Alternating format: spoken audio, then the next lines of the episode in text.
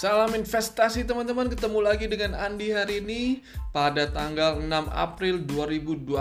Hari ini saya akan sharing tentang uh, apa yang terjadi di capital market Indonesia khususnya ISG dan beberapa berita yang teman-teman bisa ikutin juga. Oke, jadi uh, minggu ini dimulai dengan kenaikan IHSG sebesar 4%, teman-teman. Sekarang IHSG sudah di angka 4811 jadi uh, dan LQ45 hari ini naik 4,8 persen. Wow, ini merupakan minggu yang uh, hari yang cerah sekali, tapi uh, kita lihat asing masih net uh, sell off 500, kurang lebih hampir mencapai 500 m. Saya agak sedikit uh, khawatir nih tentang kenaikan ISG-nya ya. Biasanya kenaikan ini ditopang dengan pembelian uh, oleh asing. Jadi ibaratnya asing masuk ke Indonesia, tapi sepertinya masih banyak perusahaan-perusahaan yang tetap uh, melakukan buyback atau bisa jadi uh, cashnya mereka baru available belakangan ini, jadi mereka bisa uh, buyback. Jadi saya lihat tadi uh, saham-saham uh, beberapa saham-saham LQ45, uh, BCA dan BRI sepertinya masih sell off. Saya masih agak penasaran apa sih yang dikhawatirkan asing terhadap pasar modal di Indonesia? Kenapa appetite-nya belum mas belum belum ada ya di Indonesia ya? Mungkin apakah mereka masih melihat terkait dengan COVID-19 ini belum mencapai puncaknya di Indonesia ataupun uh, mereka ag agak sedikit khawatir tentang kemat uh, tingkat kematian yang tinggi jika dibandingkan dengan negara-negara lain yang terkena uh, uh, terkena virus COVID-19 ini juga. Ya, tapi uh, semoga aja ke depannya kalau ada positif uh, sentimen positif yang bisa diambil oleh asing, harusnya pasar modal kita khususnya IISG bisa lebih kencang naiknya uh, untuk ke depannya ini. Nah, seperti yang saya sampaikan di sebelum-sebelumnya, biasanya kenaikan IISG itu juga ditopang dengan penguatan rupiah karena asing uh, harusnya masuk ya tapi karena asing nggak masuk makanya kita bisa lihat juga nilai rupiah hari ini nggak jauh beda dengan posisi hari Jumat kemarin yaitu di sekitar 16.400 16.380 jadi nggak berubah ke arah kes, uh, secara currency-nya nggak menguat terlalu signifikan. Padahal indeks kan naik hampir 5% di LQ45 mungkin bisa jadi sih menurut saya ada beberapa perusahaan yang uh, buyback BUMN melakukan buyback itu paling uh, paling logical yang yang terjadi kalau saya lihat hari ini ya.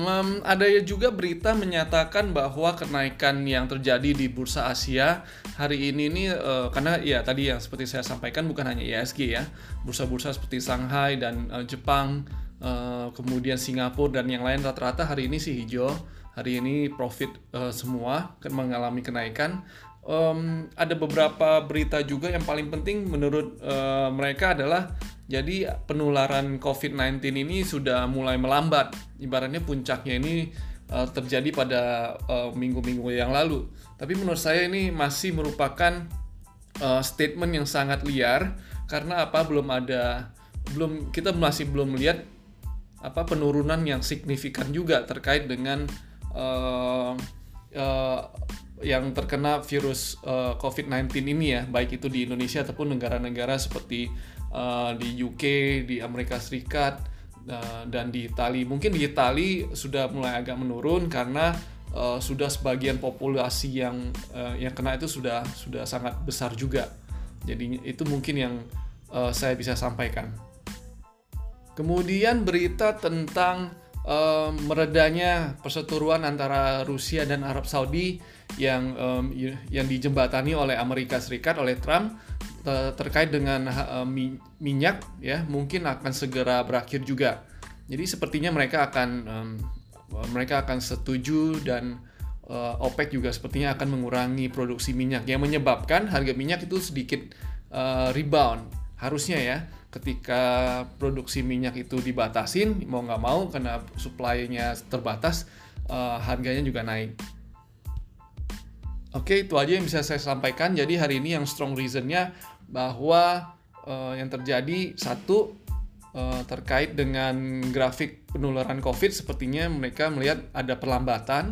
Uh, kemudian kedua, berita yang majornya terkait dengan pemangkasan kemungkinan pemangkasan uh, apa minyak ya uh, produksi minyak ya, karena Arab Saudi dan Rusia sudah mungkin akan mereda. Dan yang ketiga, yang ketiga mungkin efek juga efek dari kebijakan fiskal dan kebijakan-kebijakan yang diambil belakangan ini dianggap eh, bisa membantu perekonomian. Tapi jujur kata dari tiga hal yang saya sampaikan tersebut, uh, kalau menurut saya fundamentalnya tidak begitu kuat. Jadi teman-teman harus tetap waspada dalam berinvestasi ke depannya ini karena volatility masih tinggi. Mungkin ada sedikit uh, optimisme terkait di pasar terkait uh, belak ke kejadian belakangan ini ya. Namun saya melihat harus kita tetap waspada dan ke depannya kita uh, tetap diversifikasi portofolio kita dan melakukan rebalancing secara aktif. Oke, itu aja yang ingin saya sampaikan kali ini. Saya Andi, undur diri. Bye.